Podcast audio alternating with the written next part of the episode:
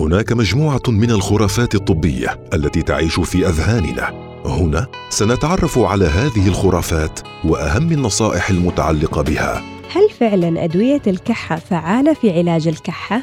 خلونا نتعرف على التفاصيل. خرافات طبية مع سميرة الفطيسيه دراسة حديثة. نشرت في العدد الأخير من المجلة الطبية. خلاصة الدراسة أن جميع أنواع شراب الكحة من أعشاب وغيرها عديمة المفعول تماما للأطفال لمن هم تحت عمر الأربع سنوات. وأشارت الدراسة إلى أن إعطاء الطفل ملعقة عسل أو عصير عنب أو عصير الصبار له تأثير أفضل وأكفأ في تخفيف الكحة. ملاحظة مهمة عدم إعطاء العسل للأطفال تحت عمر السنة.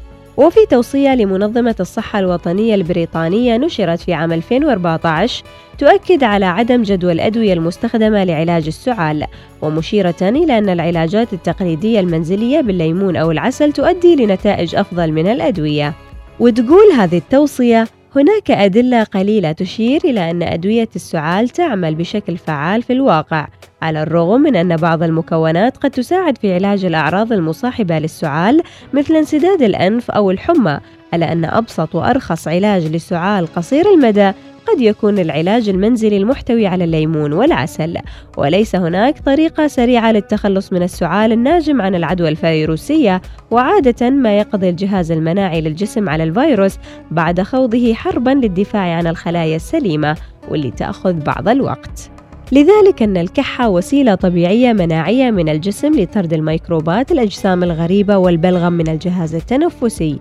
وهي ردة فعل يتحكم بها الجزء السفلي الأمامي من جذع الدماغ حيث تقوم اللاقطات الحسية الموجودة في مجاري التنفس بإرسال محفز لجذع الدماغ عندما تشعر بوجود جسم غريب أو وجود التهاب ويتم خلالها تفعيل عضلات التنفس والحجاب الحاجز بطريقة منسقة من أجل نقل الهواء بشكل سريع وقوي إلى مجاري التنفس. إذا الكحة. عرض لحالة ما وليست مرضا بحد ذاته لذلك نحن لا نعالجها وإنما نعالج سبب الكحة. والحقيقة العلمية تقول أن أدوية الكحة أكثرها عديمة الفاعلية في علاج الكحة.